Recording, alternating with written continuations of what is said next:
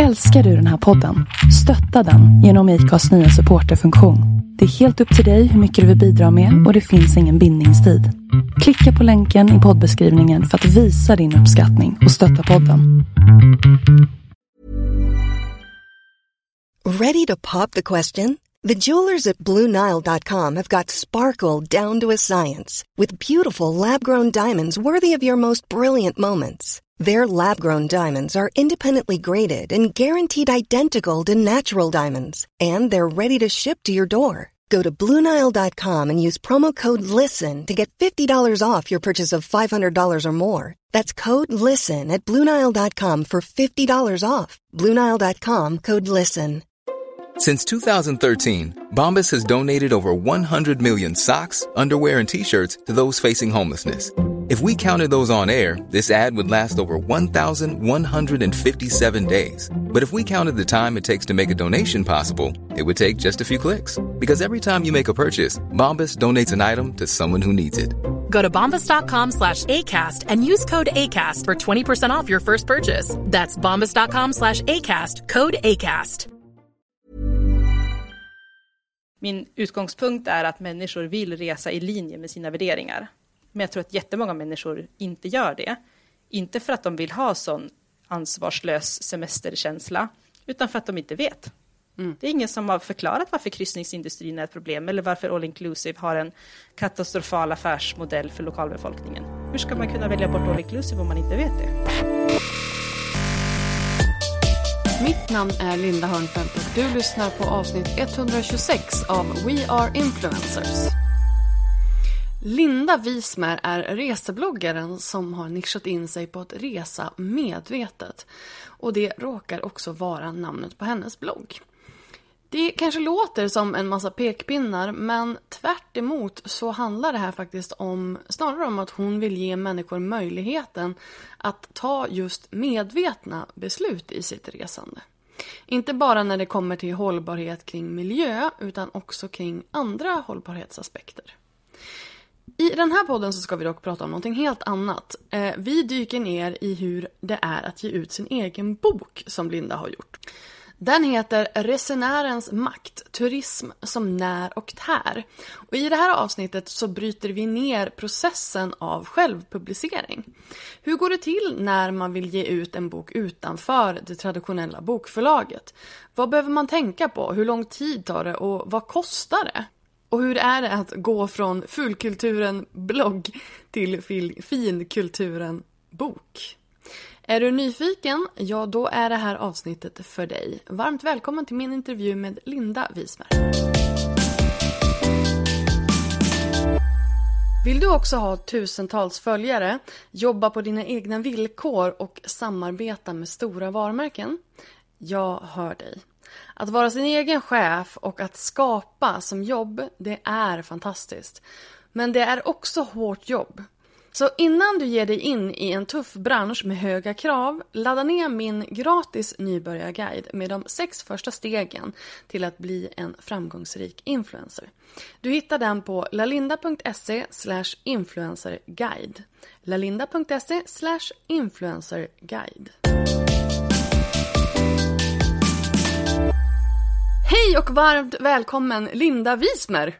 Tack! Gud vad roligt att ha dig här! Verkligen. Jag har lite längtat, eller inte lite, jättemycket längtat efter att få ha en anledning, stor och god nog, att få samtala med dig. det tar jag som en komplimang. Eh, Linda och jag satt ju i styrelsen för Influencers of Sweden tillsammans eh, för hundra år sedan. Och eh, du var också resbloggare på den, på den tiden.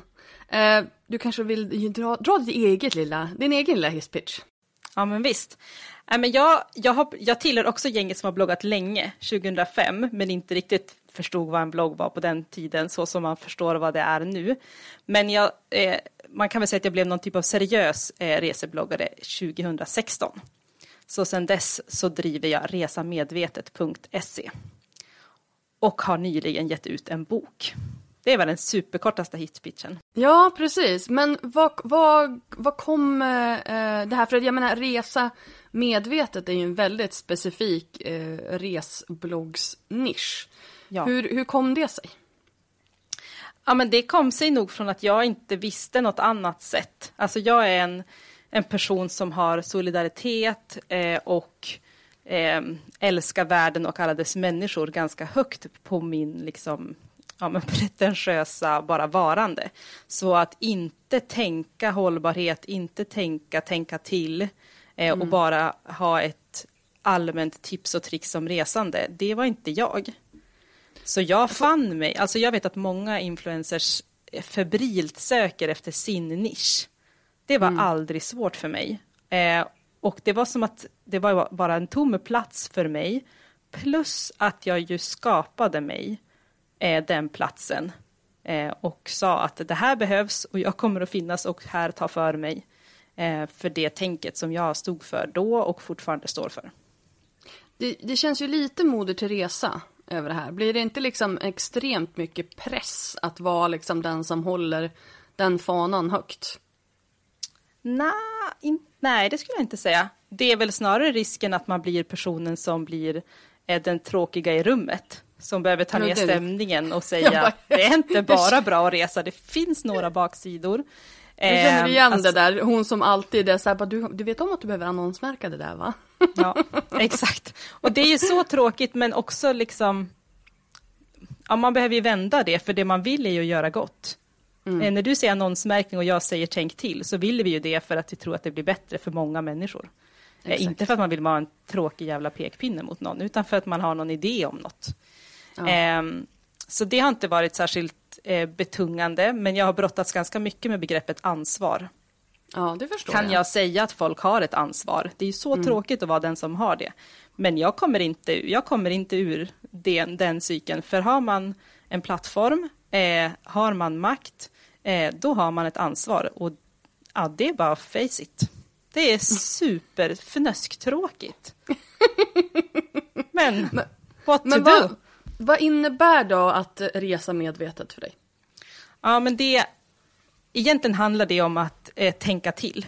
Läsa på, eh, reflektera och ta medvetna beslut. Det har liksom varit en sån här trestegsraket som har utkristalliserat sig eh, mm. under de här åren och det har blivit en liksom, eh, mer eh, kompakt eller koncist sägning allt eftersom. Det var ju ett längre resonemang när man började babbla på.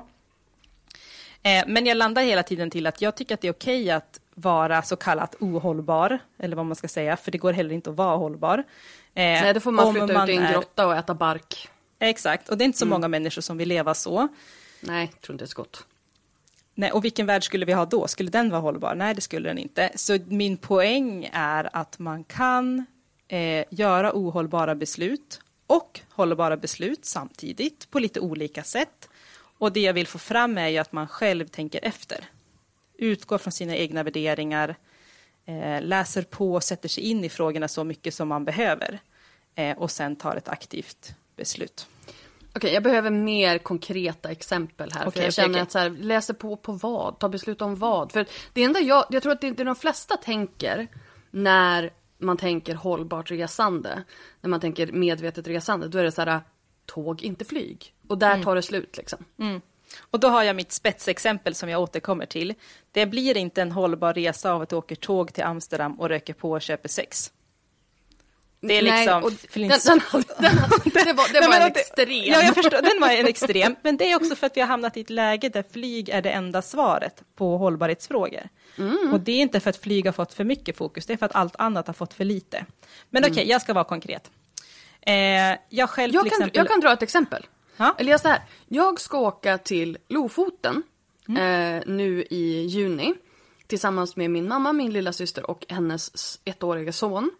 Vi ska bila eh, upp dit eh, eftersom att ja, det är väl typ det alternativet vi har. Eh, och bo i, på Airbnb. Vad, vad, behöver jag tänka på under en sån resa? Förutom att handla vid Riksgränsen och inte i Norge för det är svindyrt. Bra, nej men så här, du har ju uppenbarligen redan gjort en massa reflektioner över hur du ska ta dig dit, vilken transport du ska välja, vilken typ av boende, om du vill bo på eh, hotell eller bo hemma hos folk. Eh, vilken typ av mat du äter är ett annat sånt eh, beslut du kan ta. Eh, hur du ska, nu är det inte kanske så stor risk, men om du möter urfolk, alltså samer, hur behandlar mm. du dem? Mm.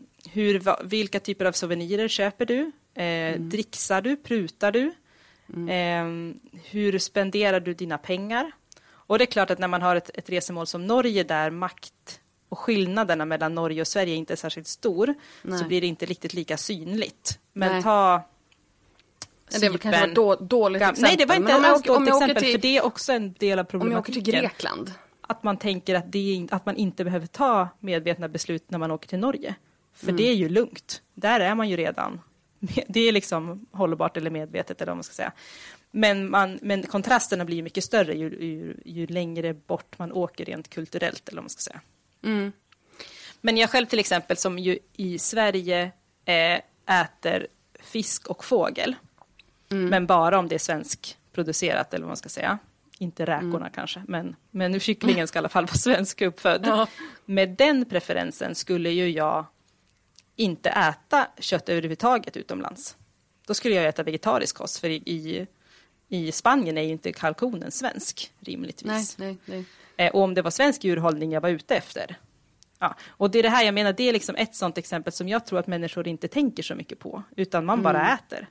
Eh, och samtidigt så kan jag säga så här, men om du åker till Argentina, ska du då inte äta det argentinska köttet som är liksom en del av deras grundläggande och sär utstickande kost. Eh, och jag ska inte säga att det är varken rätt eller fel att äta eh, kött i Argentina, men jag är ute efter att själv fundera på eh, vad ska jag äta på min resa och vilka konsekvenser och effekter har det? Och då kan ju en del tycka, fy tusan vad tråkigt. Jag ska ju på semester. Ja, det, Låt det är mycket att tänka på här nu. Låt en ensam själ slappna av. Och då är, är ju mitt svar, eh, absolut ska du slappna av. Du kanske kan välja något område som du är lite extra intresserad av. Och så kan Mm. du satsa på det. Så jag har ju varit väldigt liksom eh, lågtröskelblogg. Alltså det ska vara jag, lätt att och jag göra tror att det är små förändringar. viktigt. Därför att kommer du med så här, men tänker du på det här och det här och det här och det här, då kommer alla bara la la la la la bingo, på med liksom no- noise cancelling hörlurarna och lyssnar inte. Eh, om du ska nå fram så behöver ju eh, antingen ansvarskänslan vara extremt hög eller tröskeln ganska låg. Och honestly, folk som eh, väldigt många av de som flyger till Argentina eller Thailand nu har kanske inte tänk, kanske inte känner en superhög ansvarskänsla med tanke på eh, diskussionen kring flyget. Så, alltså generellt. Japp. Nej, men jag har ingen mer kommentar till den frågan helt enkelt. Eh, och flyget har ju fått en, alltså, flyget har ju fått en jätte, jag ska inte säga att den har fått en oproportionerligt stor del, men den har ju fått i relation till alla andra som, saker som också är ett problem, fått en väldigt stor del. Så allt annat behöver belysas mycket mer, är min slutsats. Jag tror att det är för att flyget är det enklaste. Alltså, man kan låta bli att flyga, man kan åka tåg istället. Man kan, alltså det är lättare än att så här, nej men jag vill inte shoppa på H&M eller jag vill inte köpa eh, enbart när producerat kött för det är så dyrt. Alltså, förstår du? Det är liksom, jag tror att flyget är, speciellt de senaste två åren, har ju varit, väldigt enkelt eh, för sin, liksom, klappa sig själv på axeln-kontot. Ja, det var ju, det var ju, det skulle vara så intressant om pandemin inte hade kommit. Vad hade hänt med flygdebatten då? Hur hade den ut, liksom utkristalliserat sig då? Och vad händer nu då, när vi ska dra igång resandet för väldigt Ja. många igen? Ja, exakt. Ständigt Men- aktuellt ämne som jag valde att blogga om. Det var ju roligt. Eller hur? Eller hur? Åtminstone, för jag menar, det hände ju någonting där. Det var ju kanske inte aktuellt, ja du, du började 2016. Vad var det som gjorde att du då nischade ner dig till det? Alltså från början var det bara jag vill reseblogga. Ja, Ehm, och sen blev det ganska, jag kom på någon snilleblixt bara typ tre månader in i mitt bloggande om att jag skulle, jag drog igång ett initiativ som heter Reseprocenten. Att man skulle ge en procent av sin resebudget eh, till en organisation eller en verksamhet som jobbar för att fler människor ska få möjlighet att eh, utveckla sig, alltså allt ifrån liksom, skolpeng till eh, sjukvård eller vad man nu än brinner för. Eh, och det fick liksom ganska mycket uppmärksamhet och lite priser och sådär. Och då kände jag väl att jag var någonting på spåren. Alltså jag ska, eh, jag ska vara den rösten som pratar om eh, alla sidor av turism och inte bara eh, glättiga sju tips till Prag. Men vad heter det, du, du sa att du hade skrivit en bok. Berätta om boken. Ja, boken heter Resenärens makt. Turism som när och tär. En titel som jag tycker säger allt. Ja, faktiskt ganska mycket. Vi behöver inte prata mer om den. Men vad, vad är liksom, vad är det som, vad är, vad är i den? I den så är det en massor med tankesätt och perspektiv och verktyg för att kunna ta de beslut som är rätt för en själv. Det är inte en pekpinnebok, det är inte en dos and don'ts-bok, det är inte en checklista, utan det är massor med olika perspektiv. Vi kan ta taxi som exempel. Eh, ska du välja taxin som finns utanför flyget eller ska du förboka? Ska du småprata med chauffören eller inte? Ska du kräva att eh, få se en taxameter eller ska du dricksa? Ska du pruta? Ska du samåka? Ska du välja den som går från hotellet eller ska du boka en på gatan? Ska du boka en kvinnlig chaufför om det finns ska du försöka samåka. Gud, jag får Eh, panik av alla Mm, dessa val. Ja, precis. Och det är väl det som är grejen, att om man ska resa medvetet på alla, alla sätt, då kommer man att få panik. Men precis som så här, det är inte jättejobbigt att välja ekologiska bananer och kaffe och kakao nu för tiden. Nej. Då kan man lägga till tomater och lite vindruvor och kanske till och med köpa ekologiskt kravmärkt tacobröd. Det känns inte jobbigt. Nej. Därför att man har liksom gjort det steg för steg och jag har massa saker som, inte, som går av bara farten. Och därför så handlar det om att, om att börja där man själv befinner sig och inte ha det som ett oöverstigligt berg över hur man ska vara hållbar. Men så den utgår egentligen från att här, eh, om man reser, då har man makt. Och med de privilegierna och de makten kommer valmöjligheter. Vad vill du göra av de valmöjligheterna? Och ska man göra något av det, då behöver man reflektera och sätta sig in i vart ska jag? Vilken historia, vilken politik, vilken kontext? Och det är det den här boken hjälper en att skaffa sig för att kunna ta de besluten man vill. Min utgångspunkt är att människor vill resa i linje med sina värderingar. Men jag tror att jättemånga människor inte gör det. Inte för att de vill ha sån ansvarslös semesterkänsla, utan för att de inte vet. Det är ingen som har förklarat varför kryssningsindustrin är ett problem eller varför all inclusive har en katastrofal affärsmodell för lokalbefolkningen. Hur ska man kunna välja bort all inclusive om man inte vet det? Sunt förnuft. Ja, men det är inte så himla lätt att veta sunt förnuft så här, om man inte Nej. vet att... Men, om, men ett annat exempel, så här, djurparker för omhändertagna djur. Mm. Är det bra eller dåligt?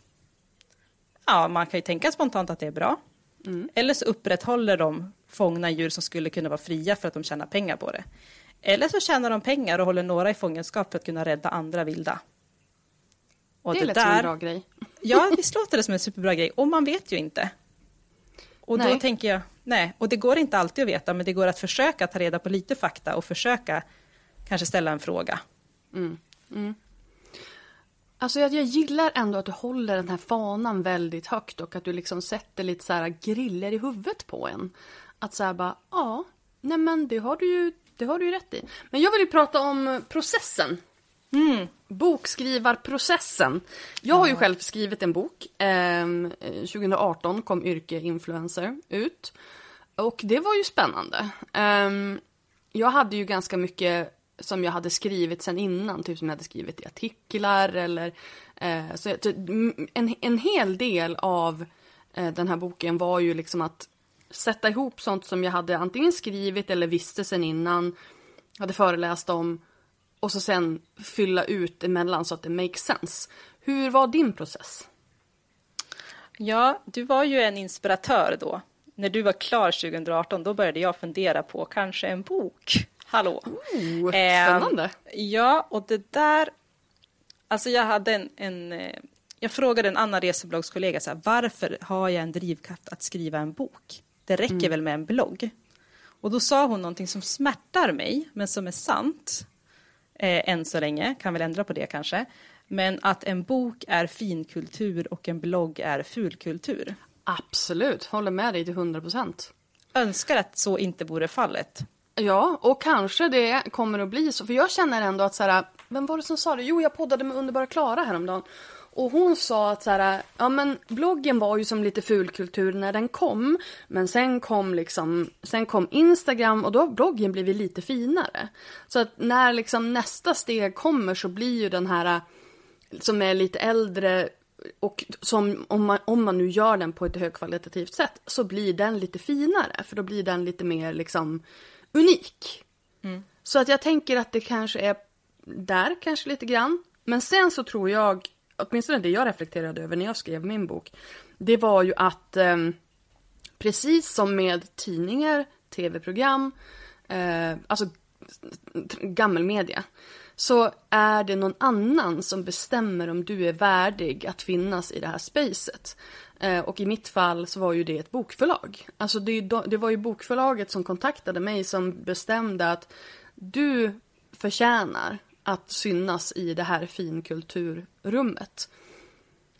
Och jag menar, och det, och det är klart att det, bara det i sig gör ju att man är så här, oh, jag är författare, jag har skrivit en bok. Jag vet inte om det räknas, man bara har skrivit en, men vi säger det. Um, men det blir ju, det, det, för mig så var det ju mycket den grejen som gjorde att, som gör då fin versus ful. Hur tänker du? Ja, men jag håller helt med, men också kanske att eh, i, i verkligheten så är bok greppbart mm. och blogg och alla sociala medier fluffigt. Det finns ingen början, finns inget, Exakt. ja, finns ingen början, finns inget slut, kan vara lite vad som helst. Mm. Som om en bok alltid är samma sak. Men en bok är ju ändå liksom papper, perm, början, slut. Ja. Och det är ju liksom att paketera sitt CV. Så allt, allt, allt det här kan jag. Jag har tryckt ner det i de här eh, hundra sidorna. Eh, och egentligen så har jag ju fler perspektiv på bloggen än i boken. Mm. Men, men för allt fick inte plats i en bok, man måste också skala. Men, ja, men, jag, men jag, alltså jag förstår vart det där kommer ifrån. Eh, och har väl liksom bara ja, men, jag har varit glad i att skriva bok, men jag hade kanske också på ett sätt önskat att det inte behövde skrivas en bok. Mm. Eh, men jag är ju glad att den finns och jag kommer ju kunna använda den till det jag vill, alltså föreläsa, bilda opinion, eh, nå ut till många fler. För det var ju hela huvuddrivkraften var ju, jag tror inte att jag når tillräckligt många med min blogg. Mm. Sen kan man ju fundera på om jag hade lagt all tid jag la på boken på bloggen. Mm. Eh, hur, mycket, hur många fler hade jag kunnat nå då? Eh, det låter vi vara osagt och behöver inte gräva i. Nej, därför att då blir det jobbigt. Jättejobbig insikt. Eh, så den, jag hoppas att den ska bana väg för mig jättelångt. Den är ju bara två, tre veckor gammal, så att det kan ju sluta hur bra som helst. Eller hur? Och det där tycker jag är intressant, det du säger om att det var inte hu huvudpoängen med att skriva bok var inte att sälja en jäkla massa böcker. Utan det var att etablera expertis. Och jag menar, jag har aldrig föreläst så mycket som jag gjorde året min bok kom ut. Eh, så att jag menar, det är, that's a thing. Att det faktiskt, speciellt fackböcker. Journalisterna börjar ringa, du vet, de har ju koll på vilka böcker som kommer ut. Och har du gett ut en bok inom ett ämne, då är du per se expert inom det ämnet. Mm. Eh, så att jag menar, jag har ju tjänat mycket mer pengar på föreläsningarna som jag fick i efterdyningarna av boken än vad jag har känt på boken. Det, jag räknar med motsvarande. Jag tror inte, och jag, och jag tänker att, men vi kommer väl kanske in på det, men, men det kommersiella med en bok, alltså att man ska kunna tjäna så mycket pengar på en bok, det vet ja. ju alla att det är ganska svårt att tjäna mycket pengar på en Om du inte är Camilla Läckberg. Böcker. Exakt. Eh, men så det har aldrig varit min primära eh, mitt primära mål och det känns ganska skönt för det betyder också att det inte är det som jag kan mäta framgången mot. Mm. Ex exakt, nej men jag tycker det är helt, det är helt rätt inställning. Um, men hur, hur gick, hur har liksom din bokutgivarprocess sett ut? Mm. Men jag var nog där du var, som du beskrev, så jag hade en massa material, jag hade en massa blogginlägg, jag hade en massa tankesätt och så ville jag sätta ihop det där till något och underskattade väl lite, som jag tänker att man gör när man ska skriva en bok, eh, att en bok måste ha, även en fackbok, måste ha en röd tråd, en dramaturgi, mm. en mm. målgrupp, en början och ett slut. Det kan inte, även om min bok och hela tiden var tänkt att skulle vara många små korta avsnitt, mm. så måste det finnas, det måste hänga ihop på något sätt, annars blir det liksom post-it-lappar i ett hav. Mm. Eh, och det håller ju inte. Det kan bli lite eh, så, Men jag började egentligen, jag, bestäm, jag, jag har ett dokument som heter första skrivsessionen. Där jag bara skrivit all ångest. Tänk om jag inte är tillräckligt bra, tänk om jag, tänk om jag, kan jag ens skriva en bok om att resa när jag tycker att hållbarhet är viktigt? Jag kommer bli kapad med fotknölarna. Eh, tänk om folk tycker att jag är tråkig och pretentiös, alla, sådana ångestgrejer bara skriver jag av mig. Farhågorna. Och sen började jag, har jag inte läst det här dokumentet för det där försvann sen. Det var liksom helt ointressant när jag väl hade skrivit det. Och sen började jag bara egentligen ta frukterna, alltså lågt hängande frukter först. Bara, vad kan jag mycket om? Äh, men jag har djur. Så skrev jag allt jag hade tänkt på om djur. Ja, men alkohol kan jag också ganska mycket. Och så skrev jag allt om det och sen så, nej men kultur är viktigt. Och så höll jag på så där och skrev och skrev och skrev. Och sen träffade jag en fantastisk redaktör som ville vara med och hjälpa till på min resa. Eh, och strukturerade om och kastade om och så där. Och under hela den här processen så skickade jag in några sådana synopsis som ju är en sammanfattning av vad man tänker sig till, olika, till några olika förlag eh, och fick nej. Eh, och tyckte det var ganska jobbigt, men kanske inte sådär, eh, du vet, den som har närt en författardröm, skrivit ner sitt livsverk och blir liksom förkrossad. Så jobbigt var det Nej. inte. Eh, men det kanske också beror på att jag ju hade några eh, kämpar kring mig som envist talade om för mig att man kan ge ut en bok själv. Det krävs inget förlag för detta. Eh, och det är inte ett förlag som bedömer om du har någonting att säga. Hårda Så ord att ta in. nu, ja men alltså jag blir så här, nu har vi ju stuckit hål på finkultur, fulkultur-grejen. Alltså just det här att det är någon annan som avgör om det här är värt att eh, tryckas i en bok. Du kan göra det själv. Och precis, och det, den här äh, värt att trycka bok, det är ju, finns den, är den kommersiellt gångbar så att både du och förlaget kan tjäna tillräckligt mycket pengar. Det är ju det förlaget tar ställning till. Inte är det kvalitet, inte är det intressant, inte fyller det en funktion. Och för mig som inte hade tjäna pengar som primärt syfte, då är det ju inte viktigt att det är ett förlag som gör det. Och i liksom sann influencer, mångkonstnär anda, som vi ju vet att vi influencers måste vara, så är jag nu även, är jag nu även ett förlag och vet hur man lägger upp en bok på Bokinfo och hur man väljer distributionstjänst och hur man packar böcker och hur man marknadsför sig och hur man ser till att man hamnar på Adlibris och Bokus och så vidare. För nu har Helt jag ju plötsligt lärt så mig ser det. jag också en webbkurs här. Ja, Jag ser ju webbkurser i allt. Men Mm, just det det, är här att se. Att se en webbkurs i så här, så här skapar du och ger ut din egen bok. Varsågod. Ta, take Mm. Ja, it men det, nej, men jag är, jag är gästföreläsare på den webbkursen, absolut. Jag är Ja. praktiskt case. Ja, jag, jag tänkte att du skulle få göra den kursen. För jag. Jaha, det var det. Absolut, ja, jag, jag, kan kursen. inte göra den. Jag har inte gett ut en bok själv. Nej, men du kan ju webbkurser, så vi ska nog hitta någon ja, men mixmatch i det titta. där. Ja, men alltså, I like it. Jag gillar när, liksom, när, det- när eh, samarbeten och vidare business utkristalliserar sig under intervjuns gång. Mm. Eh, nej, men det där tror jag. Och jag blir, du vet nu när du sitter och pratar här, jag bara, jag vill ge ut en bok själv, jag vill göra det här, jag vill göra det här, jag vill göra... Alltså, det är ju Ja, för det är klart att det också finns enorma fördelar. Alltså jag bestämmer hur många som ska tryckas, vart de ska säljas, hur länge de ska finnas, när de ska reas ut, i vilka marknader, på vilka kanaler, allt. Men Ingen jo, kan alltså, säga något. Du, kan, du vet och du kan alla de där sakerna. Eller så här, du, du, nej, nu ska vi se, nu börjar vi om. Du får bestämma alla de där sakerna. Men vet du alla de där sakerna? Nej, inte riktigt. Men jag är ju inte... Nej, nej men såklart, det är därför Typ man har ett förlag. när för de ska, när de det. ska reas ut, om de ska säljas utomlands. Man bara, ja men hur, hur vet man det då? Alltså Nej, det känns det lite grann som det här med att resa medvetet. Så här, hur, hur vet jag vad som är rätt? Nej, men, och då skulle jag säga så här, det är väl därför man har ett förlag. För att ha någon att bolla alla de här Ja, frågorna med. ja. Eh, och då finns det ju fler kloka personer än förlag att bolla saker med. Så det är väl tips nummer ett. Eh, och tips nummer två är ju eh, pröva dig fram. Eh, alltså jag kommer inte kunna veta exakt vad som är smart. Borde jag åka till bokmässan eller inte? I don't know. Nej, alltså, nej, Nej. alltså bokmässan är ju... ehm, alltså jag tänker att hyra en monter där är svindyrt. Men det är klart att du ska Exakt. dit och mingla. Ja, kanske. Det, det är bra att du säger det. Det finns fler i min närhet som säger det och jag själv bara, nej vadå, vad ska jag dit göra? Men jag Ja, men kanske det är ska klart att dit du då. ska dit och mingla och så får du väl gå omkring med en sån här eh, gatupratare, du vet. Ovanpå dig med ditt bokomslag. Ingen ska Du bara, missa.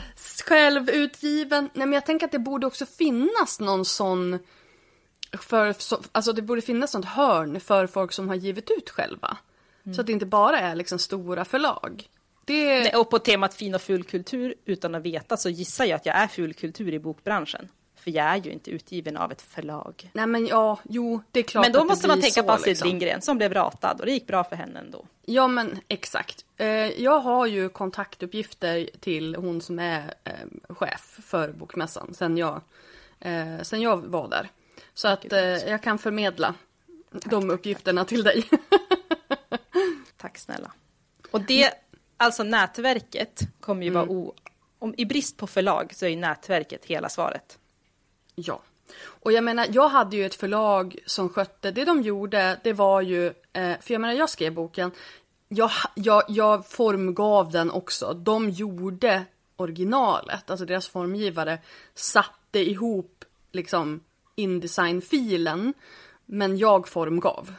Jag står inte som formgivare, men jag gjorde mallar till henne och bara hej, jag vill att det ska se ut exakt så här.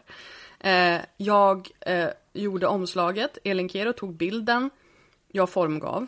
Eh, jag eh, skötte i stort sett all marknadsföring eftersom att det mesta marknadsföringen gick via influencers. Eh, det de gjorde det, är ju, det var ju liksom få ut det till bokhandlar, få in mig på bokmässan och få mig på Nyhetsmorgon. Det var, det var liksom de, deras stora grejer. Och det är inte lite, jag säger inte liksom Nej, att jag är missnöjd med att ha ett förlag. Det, jag menar, det faktum att jag bara kunde skriva och sen så skicka in och så sköter de resten. Jag menar, det är klart att det är ju en jättestor grej. De fick ju ut det i bibliotek och alla de här grejerna också. Så det är en jättestor grej. Ehm, men jag hade nog kunnat göra det behjälpligt själv. Och det, om man får vara en sån så här empower, encourage people människa i allt det här. Jag tycker om sådana. Alltså det är klart att det var ett berg när jag började. Mm. Eh, både att skriva och att hela tanken på att skulle göra hela processen själv. Men när man gör små steg, liksom, ja, men då fick man sätta sig en kväll och förstå sig på det ena eller det andra. Och jag menar som influencer, vi gör ju det hela tiden. Mm. Så ska vi förstå någon ny reklammärkning, ska vi förstå någon ny algoritm, så ska vi förstå någon ny tjänst, så ska vi förstå någon ny inställning, så ska vi förstå en ny kamera. Så- Alltså, vi är ju grymma på att sätta oss in i nya grejer. Vi gör det jämt. Det är sant, det är väldigt sant. Och men man kanske inte kan vill som- sätta sig in Nej. i allting. Man, en del vill ju lägga bort saker, typ bokföring och eh, annonsering på Facebook. Hand upp. Ja, exakt. Hand upp har inte kommit dit än. Men, eh, och det måste man ju då, då får man ju helt avgöra, så här, vad har jag för business, vad har jag för pengar, vad har jag för tid, vad har jag mycket av? Eh, och jag har ju valt att ha ett, ett, ett heltidsjobb och dragit in eh, min liksom, brödföda. Eh, och jag har ju betalat den här boken själv. Ja. Eh, och då ringde jag min syster, eh, som är tio år yngre än mig, och frågade så här, hur mycket pengar kan man lägga på en bok? Hon bara, jag lägger 10 000 i månaden på min häst. Jag Ja. bara, nej okej, det är hennes hobby, hennes prioritering. Eh, jag har uppenbarligen inte rest någonting för det var pandemi. Kan jag lägga pengar på en bok som jag älskar, brinner för, verkligen ska bli av, även om man tycker så här, så här mycket pengar kan man inte lägga på något. Men Alltså, jag det tycker kan att- man, jag- för jag det kan att ju betala har- tillbaka sig. Ja, absolut. Och det kommer det göra. I, om inte i bokintäkter så i liksom expertisrollen. Men jag tycker också att eh, det är intressant att du ringer din syster som har en av de dyraste hobbysarna i, i världen. Skulle jag ringa min syster så skulle hon inte säga att hon la 10 000 i månaden på en hobby liksom. Så att det, det är ju selektiv eh, liksom datainhämtning. kan man säga. Men, men ja, I'm, I'm totally with you. Nej, men jag tänker om man är influencer och har det som företag på ett eller annat sätt. Då, eller, och jag ska också säga så här, det är klart att när jag gjorde ett annonssamarbete och fick några tusen så tänkte jag så här, eh, det här är några fler sidor tryckta i en bok. Så det går ju också, så här, det är inte, jag har inte tagit varenda krona från min, liksom, mina tjänade, skattade pengar. Det är också en del från, från eh, in, liksom intäkter på bloggen. Så det är väl det man också kan sätta upp mål kring. Och kanske motivera sig att göra lite fler sådana sälj. Inte för att betala sin nästa kamera utan för att eh, Ja, men jag tänker lite att bok. det är ju en investering. Man måste ju se det som en investering. Eh, och en affärsutvecklingsmöjlighet. För jag menar, det är, ju, det är ju det det är. Om du gör det här som ett möjligt eh, inkomstben slash eh, marknadsföringsmöjlighet till din business, då är det ju så du måste också se på det när du budgeterar för det. Så jag menar, jag är helt med dig i den. Och det är jättesmart att du säger det, för jag startade mitt företag en månad innan jag skulle börja ge ut boken. Alltså, så jag har ju inte haft ett företagstänk. Nej. Utan jag, och jag, har, jag är ju ingen företagsmänniska från början, kanske kommer att bli. Men är ju ihop med en, lever ju med en entreprenör som löser den, eh, den energin i rummet kan man säga. Men, eh, men det, jag tror att du tänker helt rätt. Så oavsett om man är i liksom eh, fullskalig, lever på sin, på sin influencer-del eller om man har flera olika hobbys och ben som man står på. Att tänka investering snarare än tänka kostnad, för då tror jag man blir knäpp om man ska Nej, tänka men så här, jag kan inte absolut. betala 20 000 i formgivning, jag dör. Nej men åh herregud, nej men alltså det där har ju varit, för mig också varit många sådana investeringar. Jag menar, jag betalade, ja, nu ska jag inte säga exakt, men det är alltså över 20 000 för den här fantastiska bilden jag har på mig själv med mina djur på berget. Det är ju en brandinggrej. Jag betalade minst lika mycket för eh, min, eh, vad heter det, Eh, visuella varumärkesplattform. Alltså det är ju investeringar som man, som man måste göra för att man vill att driva sitt företag framåt. Och jag tänker också att just det här när man tänker investeringar, om du tittar på Facebook till exempel. Facebook tjänade ju inte en spänn på typ fyra år. Då började de med annonser. De hade ju investerare. Alltså, och- och så här fungerar ju, fungerar i stort sett varenda startup. Alltså då har man ju investerare som går in med kapital som betalar löner i flera år. Ja. Och sen kanske man börjar tjäna pengar. Så jag menar, det faktum att du, att du eh, investerar en stor del av din, av din, eh, din, din, din pengapåse till att få företaget att växa, det är ju så det ska vara. Ja, och tid kan man väl säga. Ah, Och det är ju också en investering, såklart. såklart. Men mm, okej, men ta mig igenom den här processen. Du har skrivit färdigt boken. Vad hände sen? Eller gjorde du saker parallellt? Nej, men det jag gjorde, ja, det jag gjorde parallellt var att skriva blogginlägg. Och det kan Ja. väl sägas att det var bitvis dränerande. Att när man har skrivit sina ett, två, tre blogginlägg för en vecka så ska man sätta och skriva två, tre, sju sidor. Eller tvärtom, man började med boken och sen skulle man orka skriva blogginlägg och komma på nya kreativa idéer. Eh, det, det, var ju, det var tufft, för det var liksom samma hjärnkapacitet som gjorde, så- det var liksom samma, ja, samma uttag av energi på det. Eh, Och nej, men jag samma skrev- ämne tänker jag också. Ja, precis. Och så var det så här, men åh gud, det här var en bra idé. Är det en Exakt. blogggrej eller en bokgrej? Exakt, den vara jag kan inte skriva för mycket på bloggen, för då har ju inte boken något värde. Så några godbitar Precis. Mm. måste jag ju spara. Eh, och då kan man väl säga att tills, alltså det som boken har som bloggen inte har, eh, det är ett maktperspektiv. Alltså Mm. resenärens makt. Eh, det, det har liksom vuxit fram på bloggen senaste året för att jag har skrivit boken. Det fanns inte alls annars. Så boken är ju en unik produkt som inte finns. Du, eller så här, har du följt min blogg i sex år kommer du känna igen dig, men du kommer att se nya perspektiv och få med dig ny kunskap. Det var också viktigt så att man inte... Annars tappar man också sin trognaste skara. Liksom. De som har läst min blogg längst och mest, det är väl de som är, tänker jag mig, kan vara mest intresserade av att köpa en bok. Och om de då känner så här, "Ah, det här var ju 300 spänn eller 200 spänn kastat i sjön, eh, gav mig nada, då, eh, då kommer de ju heller inte liksom hylla den. Nej.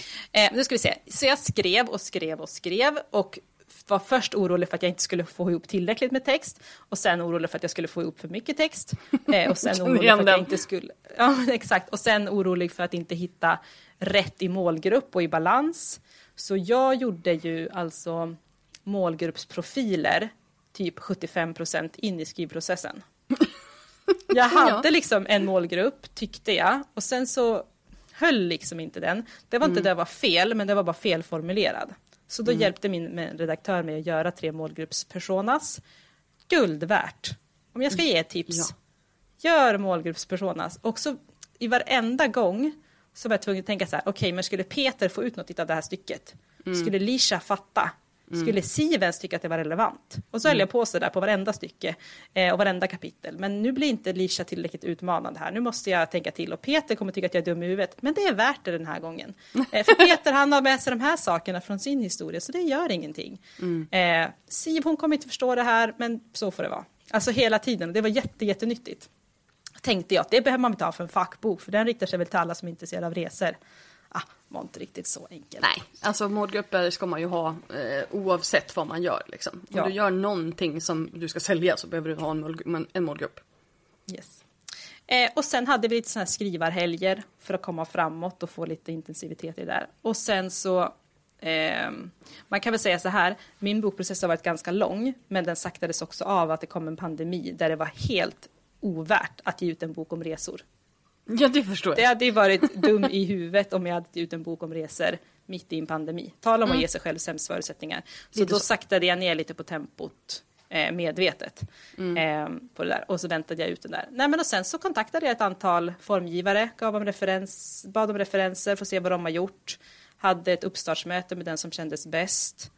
Ehm, tyckte att, kollade, ja, gick till bokhandlar, klämde, kände på papper, omslag. Det var min Vad favoritgrej. Det var min vad fick jag bästa grej. känsla av hur många bilder helst på mobilen. Mm. Ehm, och landade väl ändå till slut i att jag kan inte tumma på saker och ting. Jag kan inte välja det näst bästa pappret, den näst bästa formgivaren, de näst bästa bilderna när jag har lagt flera år av mitt liv på detta. Och det var det jag valde och kunde göra. Det är ju olika vad man har möjlighet till. Eh, och sen var det en lång, lång process att välja bilder. Hur hittar kan man representativitet? Ja. Eh, hur hittar man bilder som tillför något, som säger något, som inte känns varken frikopplade eller är samma sak som det står i text? Då fyller ju Mm. Men här har du funktion. grävt i ditt eget arkiv. Ja, Mm. det har jag. Och sen har jag gjort, alltså en del saker är ju ganska svårt att bildsätta. Mm. Och särskilt om man inte vill göra stereotypt. Typ Mhm. jämställdhet och makt. Jättesvårt att bildsätta. Ja. Så då har jag, goog- då har jag bildgooglat. Eller nej, det har jag inte alls gjort. Jo, det har jag också gjort, men jag, förlåt, men jag har också alltså, köpt tjänst, köpt bilder. Ja. Eh, Framförallt bilder när jag kände att jag vill ha människor, för då vill jag att det liksom är fine med alla. Jag har ju tagit bilder på människor runt om i världen som inte jag har alls frågat om tillåtelse att fota. Mm. Då vill jag inte trycka dem i en bok. Det kan få finnas i mitt arkiv. Eh, ja, sen var det dags att välja tryckeri. Och jag, jag har jobbat lite parallellt, eh, försökt ligga lite steget före för att det inte skulle ta alldeles för lång tid. Eh, men det är klart, man kan inte få en offert på en bok tryckt om man inte vet hur många sidor den kommer att vara. Nej. Och hur många sidor den kommer att vara vet man inte förrän man har, formgivaren har fått hälla i, som det heter, hälla i texten i formen. Eh, många ord man har lärt sig. Ja. Eh, så vi, jag fick uppdatera min offert, för den höll inte alls, för den blev mycket längre än vad jag hade tänkt mig när han hällde i, så att säga. eh, ja, och sen så var det dags att liksom börja tänka lanseringsfest. Ja, och det är ju den roligaste biten. Den, Mm. den planerar man först. Nästan. ja. Men alltså, vad, är, vad har varit de svåraste besluten? Vad har varit den svåraste, det svåraste i det hela? Förutom skrivandet, alltså i själva så här, ge ut själv-processen. Ja, men att acceptera att det här inte är en kvalitetsmärkning att jag ger ut själv. Den var tuff att Ja. landa i. Eh, och det kanske därför också har varit så viktigt för mig att inte tumma på något annat. Alltså Mm. ingen ska kalla det här en B-bok. Ingen ska, det ska inte synas att det här är något svartvitt utskrift på sig, liksom sin egen skrivare, utan det ska vara en riktig bok Mm. eh, med riktiga bilder, och riktig färg och riktigt omslag och allting ska vara riktigt. Eh, sen var det också svårt att ehm, eh, acceptera att man, om man har en målgrupp så väljer man också bort. Och några av dem man valt bort kanske ändå kommer att läsa och inte bli nöjda. Och då gäller det att påminna sig om att det var inte för dig jag skrev. Japp. Till exempel eh, de personerna som är superegoistiska och bara vill åka på all inclusive charter och dricka ganska mycket alkohol och inte vill ändra sig kommer tycka att min bok är så jävla jobbig och tråkig och pekpinnig. Ja, ja, absolut. Och de som är superklimataktivister kommer tycka att jag har noll trovärdighet i att prata om hållbar turism om jag också nämner att man kan flyga. Mm. Och de här två liksom ytterlighetsgrupperna, eller vad man ska säga, eller motsatsgrupperna, kommer inte att gilla min bok. Nej. Det är inte för dem jag har skrivit. Och det är ju, om man är en person som är lite, jag ska inte kalla mig känslig för kritik, men om man har ett livsverk, då kanske man ändå bryr sig om vad en del andra säger. Absolut. Och att hela tiden så hålla hårt fast i att jag har min målgrupp och jag skriver för den här gruppen. Eh, och jag som har ett, ett stort liksom, klassperspektiv i allt jag gör tycker att det är ganska tufft att skriva för medelklassen. Jag vill liksom alltid ha liksom ett arbetarklassperspektiv på allt, men det är ju medelklassen som reser. Och då måste jag ju skriva till dem. Eh, så att, att ja, men orka komma ihåg vem man skriver för eh, och därmed inte skriver för. Det var svårt. Och med det ganska svårt att skriva när jag själv är liksom superprivilegierad. Eh, vit kvinna, eh, funktionell, heterosexuell och så vidare. Eh, och så försöka ändå komma ihåg att jag, det kommer vara personer som inte har mina privilegier som läser. Hur känner de sig inte exkluderade? Mm. Och hur erkänner jag samtidigt att jag inte kan ha någon annans perspektiv än mitt? Men alltså hur går du igenom livet med, med, med, utan to, totalt dåligt samvete varenda dag? Nej men gud, varför ska jag det? Nej men alltså när du har så mycket press på dig själv. Press? Ja men alltså när du säger de här sakerna då känner jag så här att du liksom att, att, att du ska liksom, du tar ju väldigt mycket ansvar. Mm. Ja.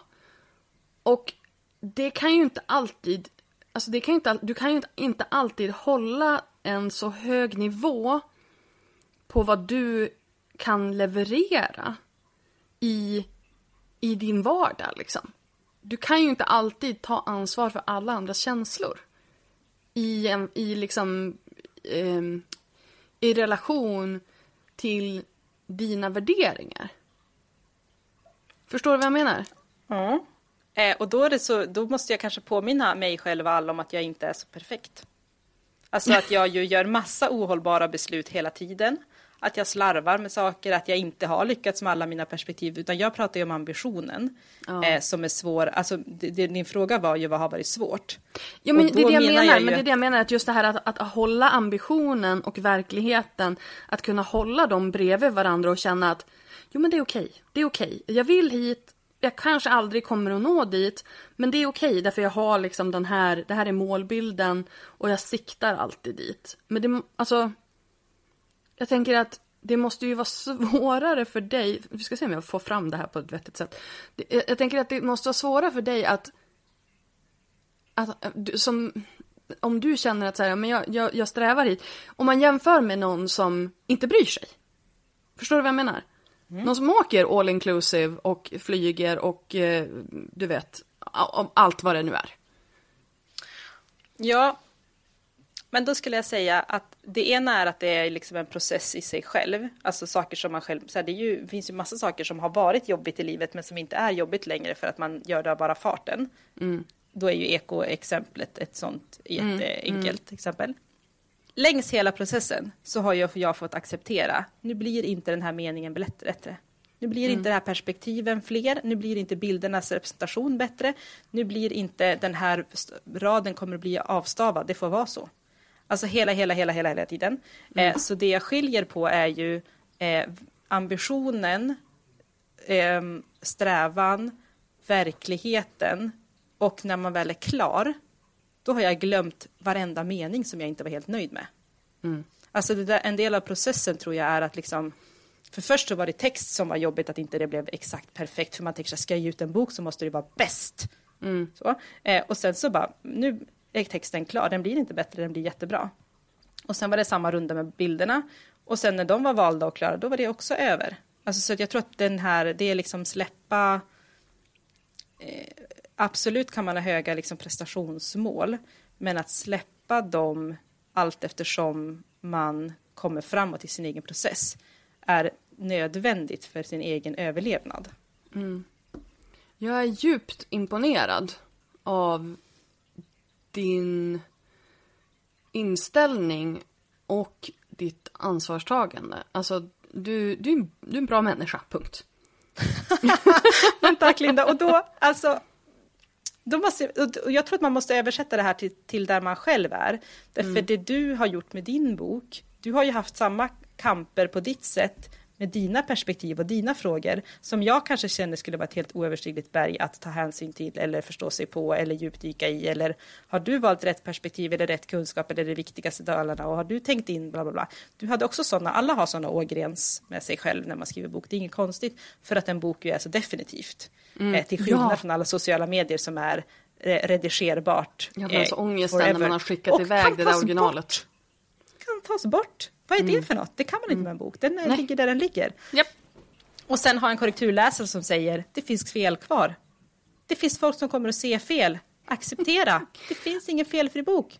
Det, jag har Alltså, inte, det- det, det där- finns en ja. anledning. Det här är anledningen till att jag inte har läst min bok sen den kom ut. Jag har inte, alltså jag har bläddrat, tittat på bilderna och sådär, men jag har inte läst den. Därför jag är livrädd för de där stavfelen som fortfarande finns i boken. Ja, men och jag tänker att nu om du läser den kommer du tycka så här, men gud vad grunt. Ja, Varför har jag inte fördjupat mig på det här sättet? Därför Japp. att saker och ting har sin tid. Eh, och det måste man... Och sin eh, plats. Man kan inte liksom, i en nybörjarbok som det där ändå var, eh, eller är, eh, så kan man inte gå djupt på allting. Därför att, eh, alltså, personen som läser kommer att eh, få panik. Mm. Men vad, vad skulle du säga då? då? Liksom, jag, jag, vill ju, jag vill ju fråga så detaljfrågor. Vilket tryckeri använder du? Vad använder du för papperstyngd? Vad använder du för... Alltså du vet, sådana där saker. Okej, vi kan fråga så här. Vad, eh, vad kostade det i slutändan? Eh, lite drygt 100 000. Eh, Och hur många Och böcker tryckte du då? tusen. Mm. Eh, och då är ju, eh, alltså nu kommer jag inte ihåg exakt, men säg att trycket är typ 50 och formgivningen typ 40. Mm. Nej, det är nog mer. Det är ju fan bara det som har kostat mig. En releasefest på 10 000 kanske. Ehm, ja, men så, alltså, tryck och formgivning är det som har kostat. Efter, ja, och lite bilder har jag ju köpt. Och lite retusch, eller liksom repro av bilder. Ehm, men det finns ju massa olika sätt att göra det där på. Jag har ju valt en liksom fyrfärgstryck. Eh, Jo, det vill man med liksom unika kapitel med bilder på jättemånga ställen. Alltså jag har gjort ett avancerat upplägg. Det Mm. behöver inte kosta så mycket att göra en bok beroende på vad det är för typ av bok man ska göra. Inte om man ska göra en skö- skönlitterär Eh, svartvitt bara att- textbok. Då Exakt, en pocketbok är ju billigare att trycka än vad det här är. Liksom. Ehm, och jag valde ju, jag skulle kunna ha eh, fyrfärgstryckbilder i mitten av boken och svartvita papper i övrigt. Men då kom jag tillbaka till så här, nej men jag ska skriva en bok som handlar om liksom fattigdomsbekämpning och sexturism och, och djur som far illa. Jag kan väl inte ha lite glada färgbilder i mitten? Det kommer vara så jävla tungt att läsa den här boken bitvis. Då måste man bli liksom reseinspirerad, upplyft, glad, färgglad genom hela boken. Så jag har ju tagit sådana beslut som ju var liksom dyra. Det är det jag menar med att jag har inte tummat på någonting och det hade gått att göra det snyggt och bra och lite mindre dyrt. Ehm, men med det sagt så kan man väl säga att vill man veta vilken formgivare jag har och vilket tryckeri jag använt så har jag valt att skriva in det i boken eftersom en del andra författare inte har skrivit in det i sina böcker och då undrar man ju. I min står det. Ja, vad bra. Jag bara, i min, i min står Nej, det. var inte riktat mot dig även fast jag lutade mig fram mot dig. Du såg, du såg inte. så arg ut. Jag bara, det står Nej, i men, min... nej, men jag, det är bara så olika hur generös man är med sig. Alltså jag kan vara helt transparent med allt. Det finns ingen hemlighet i det där. Ja. Ehm, och då kan man ju en del tänka sig, men vem fasiken har hundratusen? Nej, men om man då slår ut det på ett antal år, sin största hobby, ingen pandemi, eh, dragit in lite pengar via företaget, då är det liksom några tusen i månaden och då är det inte helt oöverstigligt. Eh, även om jag såklart är jätteprivilegierad med att jag har en lön som är liksom bra från mitt vanliga jobb som gör att jag ändå har kunnat spara undan. Men så fråga på du vad du vill veta. Vill du veta vilket papper jag har alltså? Nej, men jag vill veta vart du tryckte den. Eh, Fridholm och Partners. Så den är tryckt i Sverige. Eh, Det var en väldigt bra fråga. Alltså Fridholm och Partners upplägg är ju att de har partners runt om i världen. Eh, De trycker ju inte själva utan de upphandlar ju på olika ställen. Så det kan mycket väl vara tryckt eh, i något annat land. Men jag har min svenska kontakt och de står för liksom kommunikationen, kvalitetssäkringen och eh, och jag kollade faktiskt med en del, för jag tänkte ju såklart att det måste vara billigare att skicka den till Litauen. Men de typ tre ställen jag kollade med var inte billigare. Nej. Alltså kanske 3000 billigare och 3000 på 50 000 är ju ingenting för mig jämfört med eh, liksom, eh, svensktalande kontakt som också kan guida mig och hjälpa mig och säga så här, det här pappret kommer göra det här och det här med bilderna, vi borde ta det här istället. Mm. Den typen av avancerat samtal skulle jag ju inte kunna ha på engelska med någon i Litauen. Nej, Även för fast jag tror ju att vet, min- Litauen kommer ju veta vad de snackar om, men jag kommer inte ha en jävla aning. Nej, jag tror att min är tryckt i Litauen, nämligen. Ehm, Och den är ju superfin, så det här- finns liksom, alltså tryckeriet kan bli hur bra som helst nästan oavsett vart du gör det. Ehm, så det gäller ju bara att veta vad man håller på med.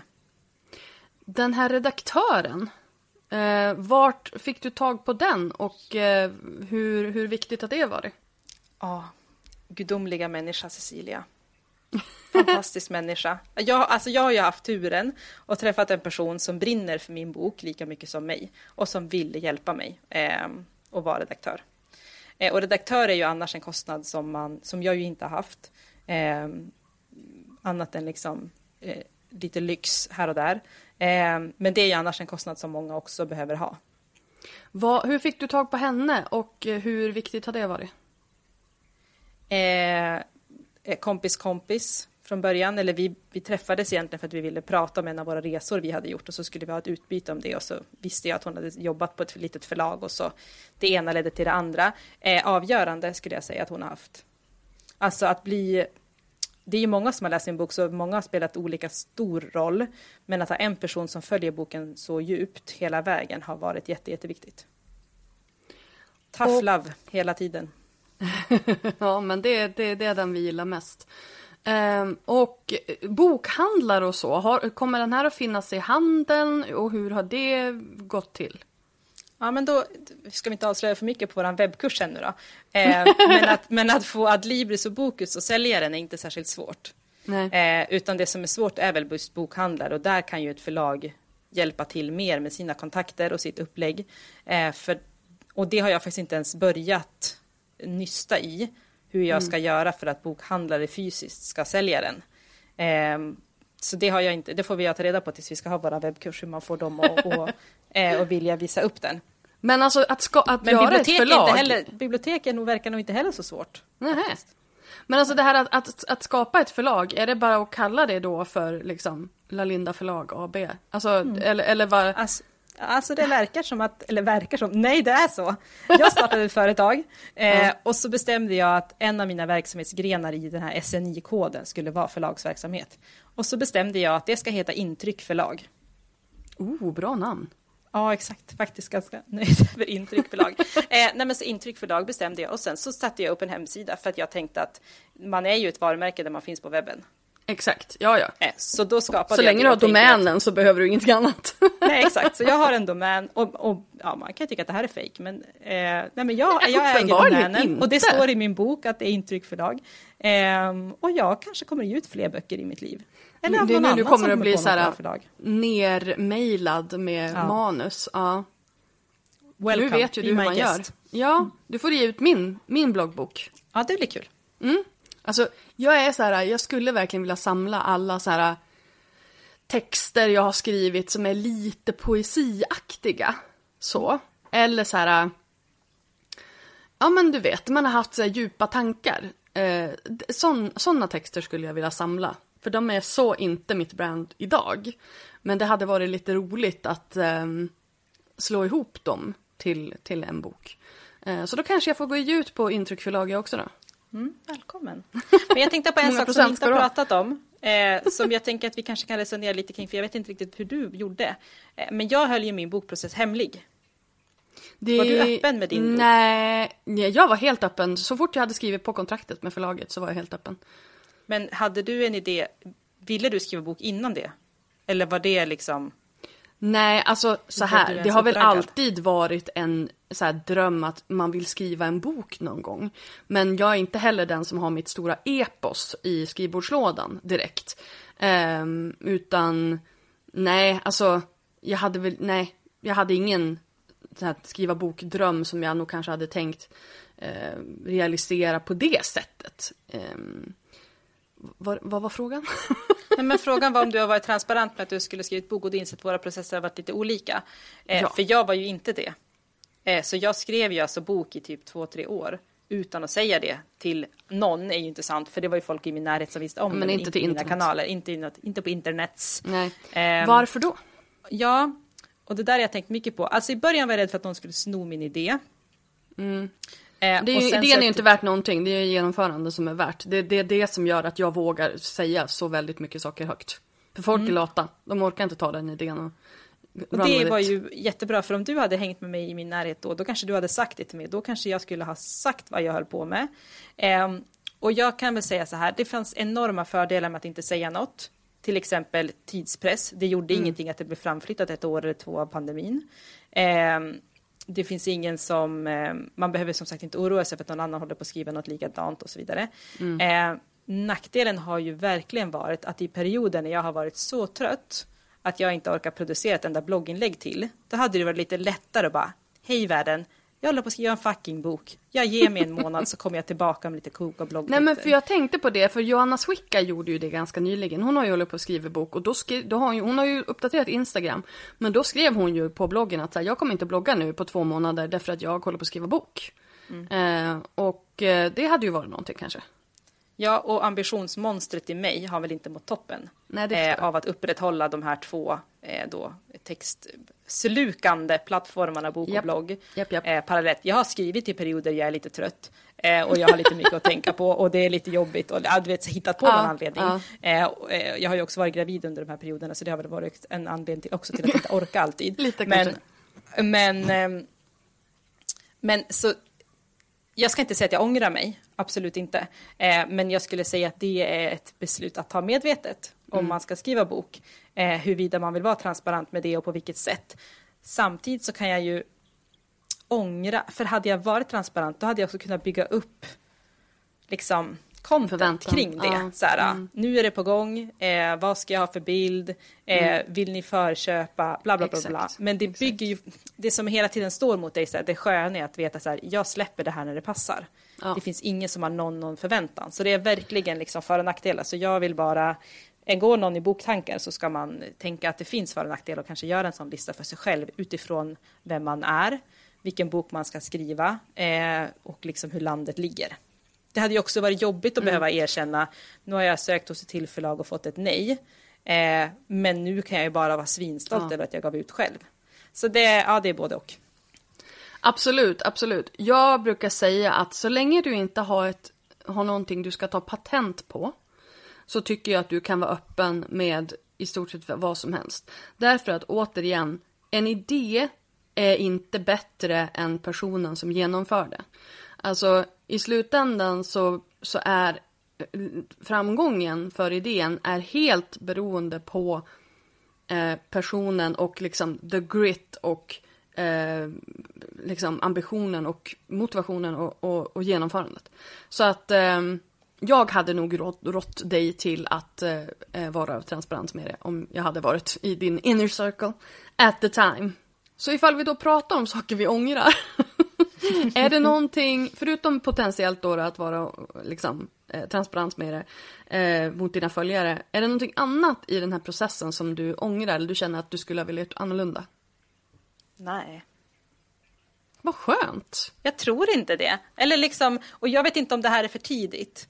Alltså, ehm, kanske Inte produktionsfasen i alla fall. gifte mig. Mm. Ja, men när jag gifte mig, då, då skulle, gick jag igång och så skulle utvärdera bröllopet och så bara, varför? Du ska aldrig gifta dig igen. Och framförallt Nej. inte på det här stället med den här personen. Så det är helt värdelöst att utvärdera. Och själv är man liksom ut, utvärderingsstörd och tänker att varenda grej man gör måste utvärderas för att ta med sig något till nästa gång. Och så Ja. finns det ingen nästa gång. Ehm, och nu kanske det finns en nästa gång för en bok, men jag tror att jag är lite för nära leverans för Ja. att kunna ha så himla mycket reflektioner över vad som kunde ha gjorts annorlunda. Jag tror att jag kommer att ha mer saker jag kanske ångrar kring, alltså när jag väl nu är ute. Ehm, för att jag skulle kunna gjort på så många olika marknadsföringssätt och vart jag skulle ha liksom försökt. Men jag, jag har ju alltid och kommer alltid göra det jag tror är bäst.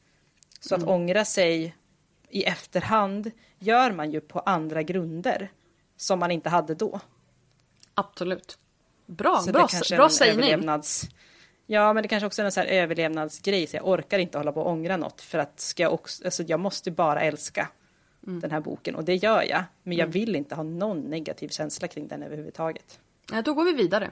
Eh, Nej men det, eh, vi ska börja avrunda, men innan vi gör det så vill jag ju ha dina tre bästa tips för den som vill eh, ge ut sin egen bok själv.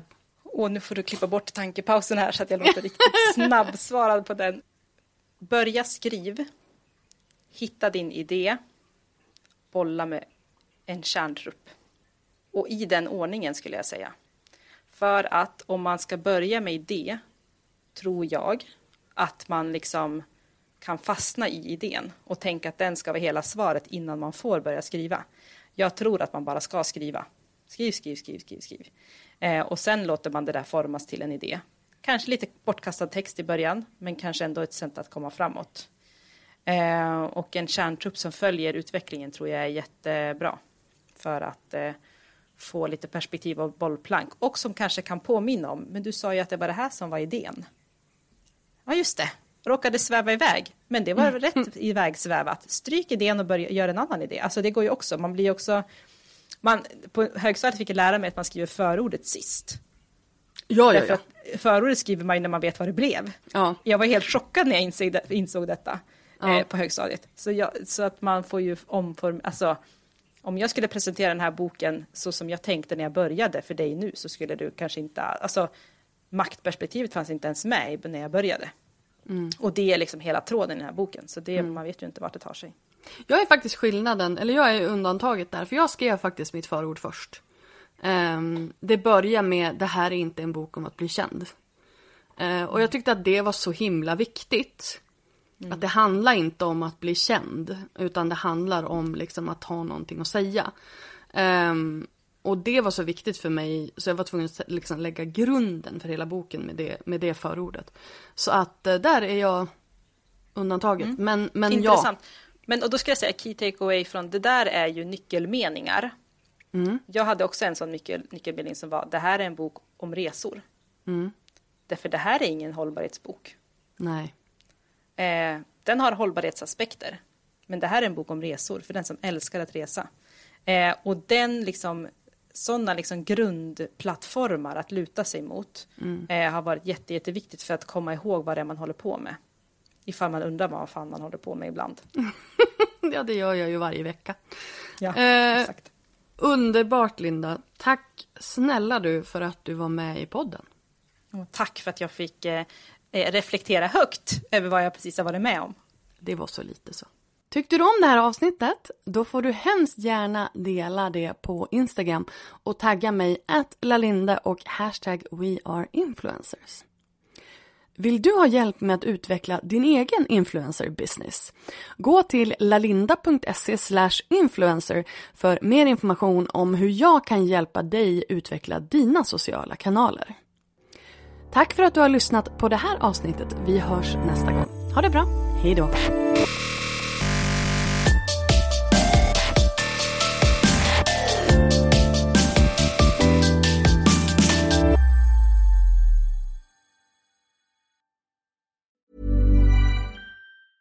Mom deserves the best, and there's no better place to shop for Mother's Day than Whole Foods Market. They're your destination for unbeatable savings, from premium gifts to show-stopping flowers and irresistible desserts. Start by saving 33% with Prime on all body care and candles. Then get a 15-stem bunch of tulips for just $9.99 each with Prime. Round out Mom's menu with festive rosé, irresistible berry chantilly cake, and more special treats. Come celebrate Mother's Day at Whole Foods Market. Hey, it's Paige DeSorbo from Giggly Squad. High quality fashion without the price tag. Say hello to Quince. I'm snagging high-end essentials like cozy cashmere sweaters, sleek leather jackets, fine jewelry, and so much more. With Quince being 50 to 80% less than similar brands. And they partner with factories that prioritize safe, ethical, and responsible manufacturing. I love that. Luxury quality within reach. Go to quince.com slash style to get free shipping and 365 day returns on your next order. Quince.com slash style.